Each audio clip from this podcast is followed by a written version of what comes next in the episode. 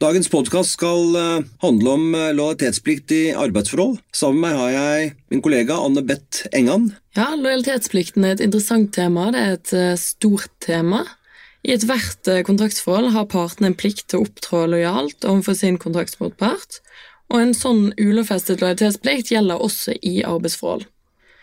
Lojalitetsplikten kan på mange måter sies å være litt mer omfattende i arbeidsforhold enn i andre kontraktsforhold, og det henger sammen med arbeidsforholdets spesielle karakter. Arbeidsforhold er langvarige, det er normalt inngått på ubestemt tid, det er dynamisk, mange arbeidsforhold endrer seg mye over tid, og det består av et gjensidig avhengighetsforhold. Lojalitetsplikten i ansettelsesforhold må derfor ses i lys av disse grunnleggende elementene. Det har derfor et litt annet innhold enn en annen eh, enn lojalitetsplikt i alminnelige kontraktsforhold. Når det gjelder det rettskildemessige forankringen av lojalitetsplikten, så er det vel sånn at lojalitetsplikten er jo ulovfestet, og den, eh, men den følger jo av både rettspraksis og teori. Og innholdet i den er jo den er jo litt eh, den er jo ikke helt skarp i kanten, lov- og taushetsplikten. Det er jo en, mer en sånn generell bestemmelse som sier at man skal ha en lojal oppslutning om arbeidsgivers interesser. Og den ansatte må da avstå fra, eh, som Kristen Andersen skrev, eh, enhver utilbørlig tilsidesettelse eller undergraving av disse interesser til fordel for egne eller andres. Man skal altså fremme arbeidsgivers interesser fremfor egeninteresser ja. i ansettelsesforholdet. Og Her ser vi jo at uh, lojalitetsplikten består av både en positiv og en negativ side. Altså Den positive siden, at arbeidstaker plikter å ivareta arbeidsgivers interesse, og den negative siden, at du arbeidstaker plikter å avstå fra handlinger som kan skade arbeidsgiver. Når du, man tenker på lojalitetsplikten, så varierer jo også den med type stilling. Eh, der eh, har du en ledende stilling, så stilles det strengere krav til eh, måten du opptrer på, og det er vel også fordi det har et større, rett og slett større skadepotensial overfor mm. arbeidsgiver.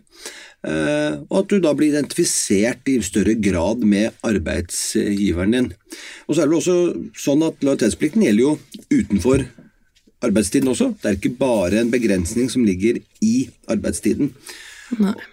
Og det er vel kanskje utenfor arbeidstiden at lojalitetsplikten er mest praktisk, fordi når du er på jobb og du utfører arbeid, så er du underlagt arbeidsgivers styringsrett. Det er du arbeidsgiver som bestemmer hva du faktisk skal bruke tiden din på, og hvilke arbeidsoppgaver du skal eh, utføre. Ja, det er helt riktig. Og dette går jo litt inn på også at lojalitetsplikten er et, er et omfattende tema, og om den gjelder i og utenfor stilling og lojalitetspliktens eh, rekkevidde i ulike stillinger kommer jo også litt an på hvilket tema vi snakker om. For altså, Det er jo ikke mulig å gi en uttømmende beskrivelse av lojalitetspliktens innhold, men den har en side til mange ulike temaer. Og eksempel lojalitetsplikt og ytringsfrihet, i hvilken grad har ansatte rett til å gi uttrykk for meninger som kanskje er i strid med arbeidsgivers interesse. Her har vi jo eksempelet med politimannen som eh, uttrykte seg negativt eh, om statsministeren. Og den også, kan også ha en side til samvittighetsfrihet. I hvilken grad kan arbeidstaker nekte å utføre arbeid på begrunnet i sin samvittighetsfrihet? Og kanskje det som eh, vi kommer mest borti, Hans Jørgen, det er lojalitetsplikt i og konkurrere konkurrerende virksomhet. Og dette kan jo du fortelle litt mer om. Ja, det er jo en av de, et, eh, en, et av de Eh, sentrale temaene eh, hva gjelder lojalitetsplikt. Jeg vil bare legge til at Særlig dette med ytringsfrihet har jo gjennom fremveksten av sosiale medier eh, fått en litt annen betydning, fått en litt annen rolle. Tidligere så måtte mm. man kanskje stille seg på torget, rope dette ut, skrive en avisartikkel. Den type offentlig ytring om arbeidsgiver. Men nå, særlig på Facebook, så ser vi jo at en del ansatte ikke helt forstår hvor grensen går mellom hva de kan skrive om sin arbeidsgiver, hvordan de kan omtale arbeidsgiver, og ikke. Og det er jo eh, der tror jeg vi kommer til å se flere saker hvor vi ser at mm. ansatte rett og slett uh, kommer til å bli sagt opp fra sin stilling fordi de har brutt lojalitetsplikten pga. ytringer. Mm. Når det gjelder lojalitetsplikten og eh, konkurrerende virksomhet, så tror jeg bakteppet er litt viktig. fordi det er jo sånn at så lenge ansettelsesforholdet består, så lenge man er ansatt, så er man jo bundet av lojalitetsplikten. Når ansettelsesforholdet opphører, så er man ikke bundet av lojalitetsplikten lenger, fordi den følger jo kontraktsperioden. Men etter opphør så er man jo da dersom det er avtalt mellom arbeidsgiver og arbeidstaker, bundet av konkurranseklausuler og konkurransebegrensninger. Det kan være kundeklausuler osv. Jeg tror det er viktig å forstå sammenhengen mellom dette. Det er altså sånn at det ikke er behov for en konkurranseklausul så lenge ansettelsesforholdet består, fordi eh, man er bundet av en alminnelig lojalitetsplikt, og det som ligger i lojalitetsplikten, som eh, fremgår særlig av en av de viktigste dommene om lojalitetsplikt, nemlig en avgjørelse som blir kalt Saga Data fra Høyesterett eh, fra 1990, rettstiden 1990 side 607. Der sier Høyesterett følgende i forbindelse med en sak om konkurrerende forhold. Det må legges til grunn at det foreligger en alminnelig og ulovfestet lojalitets- og troskapsplikt i ansettelsesforhold. Så her slår altså først Høyesterett fast at det foreligger en slik lojalitetsplikt i ansettelsesforhold. Så sier de videre. Det må følge av lojalitetsplikten ikke minst hensett til hvilket nivå de, altså de ansatte, befant seg på, at de pliktet å holde styret eller overordnet orientert om forhold som var av betydning for, virksomhetens, eh, var av betydning for bedriftens virksomhet. Og det må være helt klart at de ikke hadde adgang til å opptre i strid med arbeidsgiverens interesser, med henblikk på å fremme egne næringsinteresser. Så I den saken her så legger jo retten vekt på dels vekt på stillingene, dette var en administrerende direktør og en annen nøkkelansatt. Så legger de vekt på at uh, man innunder lojalitetsplikten legger en opplysningsplikt og sier at det er viktig, man har en plikt til å holde selskapet orientert om forhold som er betydning for virksomheten. Og så sier man helt til slutt man har ikke adgang til å opptre i strid med arbeidsgivers interesser, med henblikk på å fremme egne næringsinteresser. Og Det er ofte det som skjer når en ansatt ønsker å starte konkurrerende virksomhet. Man er for raskt ute. Man starter med dette før ansettelsesforholdet har eh, opphørt, i stedet for å vente til ansettelsesforholdet er helt avsluttet, og så kan man fritt starte en konkurrerende virksomhet, med mindre man er bundet av konkurranseklausuler. Ja. Hvilke forberedende handlinger tenker du at vil være tillatt i sånne tilfeller? Jeg tror at grensen eh, går jo på hvilke handlinger som Dels hvilke handlinger som synes utad. Det å, det å gå og tenke på ting, det å sitte hjemme på kjøkkenbordet og planlegge, eh, det å stifte et AS, er normalt handling som man sier ikke er i strid med lojalitetsplikten.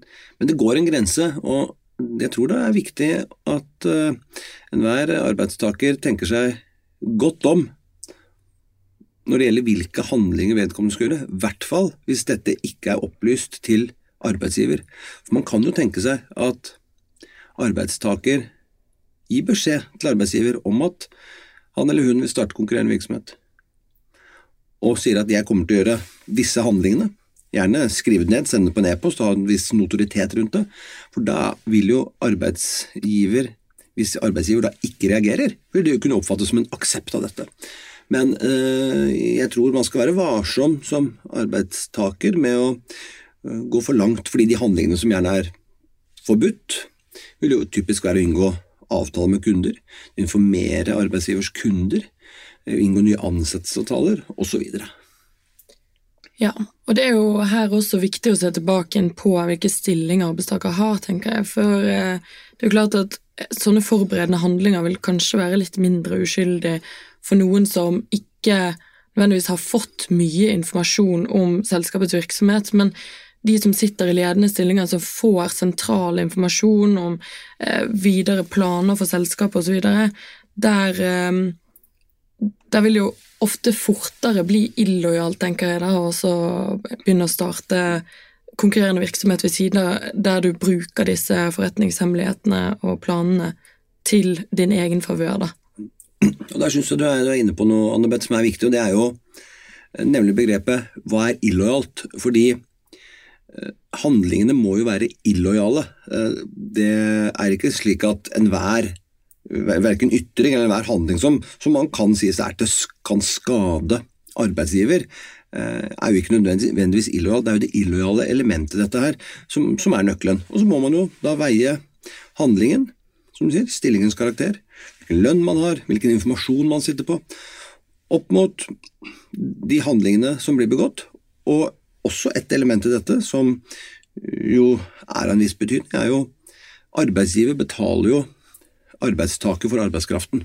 Og Hvis det er en person som har en medarbeider som har en veldig høy lønn, som har godt betalt, så vil jeg jo si at en høy lønn i seg selv kan jo også være med på å begrunne at lojalitetsplikten er eh, tolkes noe strengere. Vi kan si litt avslutningsvis om selve opplysningsplikten eh, inn i lojalitetsplikten.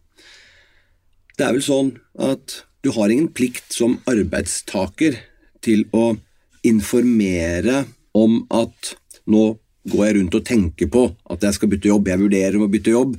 Eh, selv ikke hvis man sier opp fordi man skal bytte jobb, så har man en plikt til å orientere arbeidsgiver om hvor man skal starte.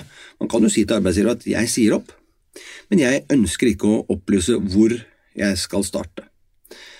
Nei, men dette må jo også ses litt i sammenheng med denne positive um, lojalitetsplikten som arbeidsgiver har. At arbeidsgiver også en plikt til å fremme arbeidsgivers interesser.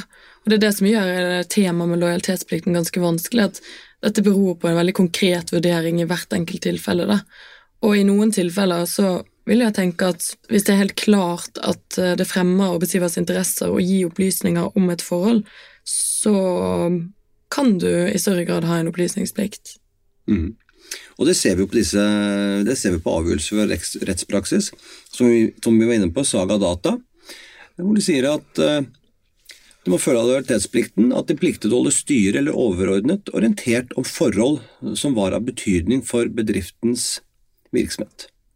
Samme sier de i en Høyesterett en annen sak, Norsport-saken, hvor de sier det er grovt illojalt å melde seg som kjøper av Norsport uten samtidig å gi underretning til styreformannen i selskapet og daglig leder i selskapet. Og jeg tror at de sakene man ser som kommer for retten, så er det ikke bare at så Det er ikke bare det faktum at man skal starte en konkurrerende virksomhet og etablere den, det er at man starter arbeidet med å skaffe seg egne kunder, skaffe seg et eget marked, på direkte bekostning av arbeidsgiver. Og Jeg tror det er der mye av uh, forskjellen ligger. Det å etablere seg og gjøre dette, det er, det er helt ok, for det er et fritt marked, det er fri konkurranse. Man ønsker å ha forskjellige aktører som driver i konkurranse, men da må man altså gjøre dette lojalt.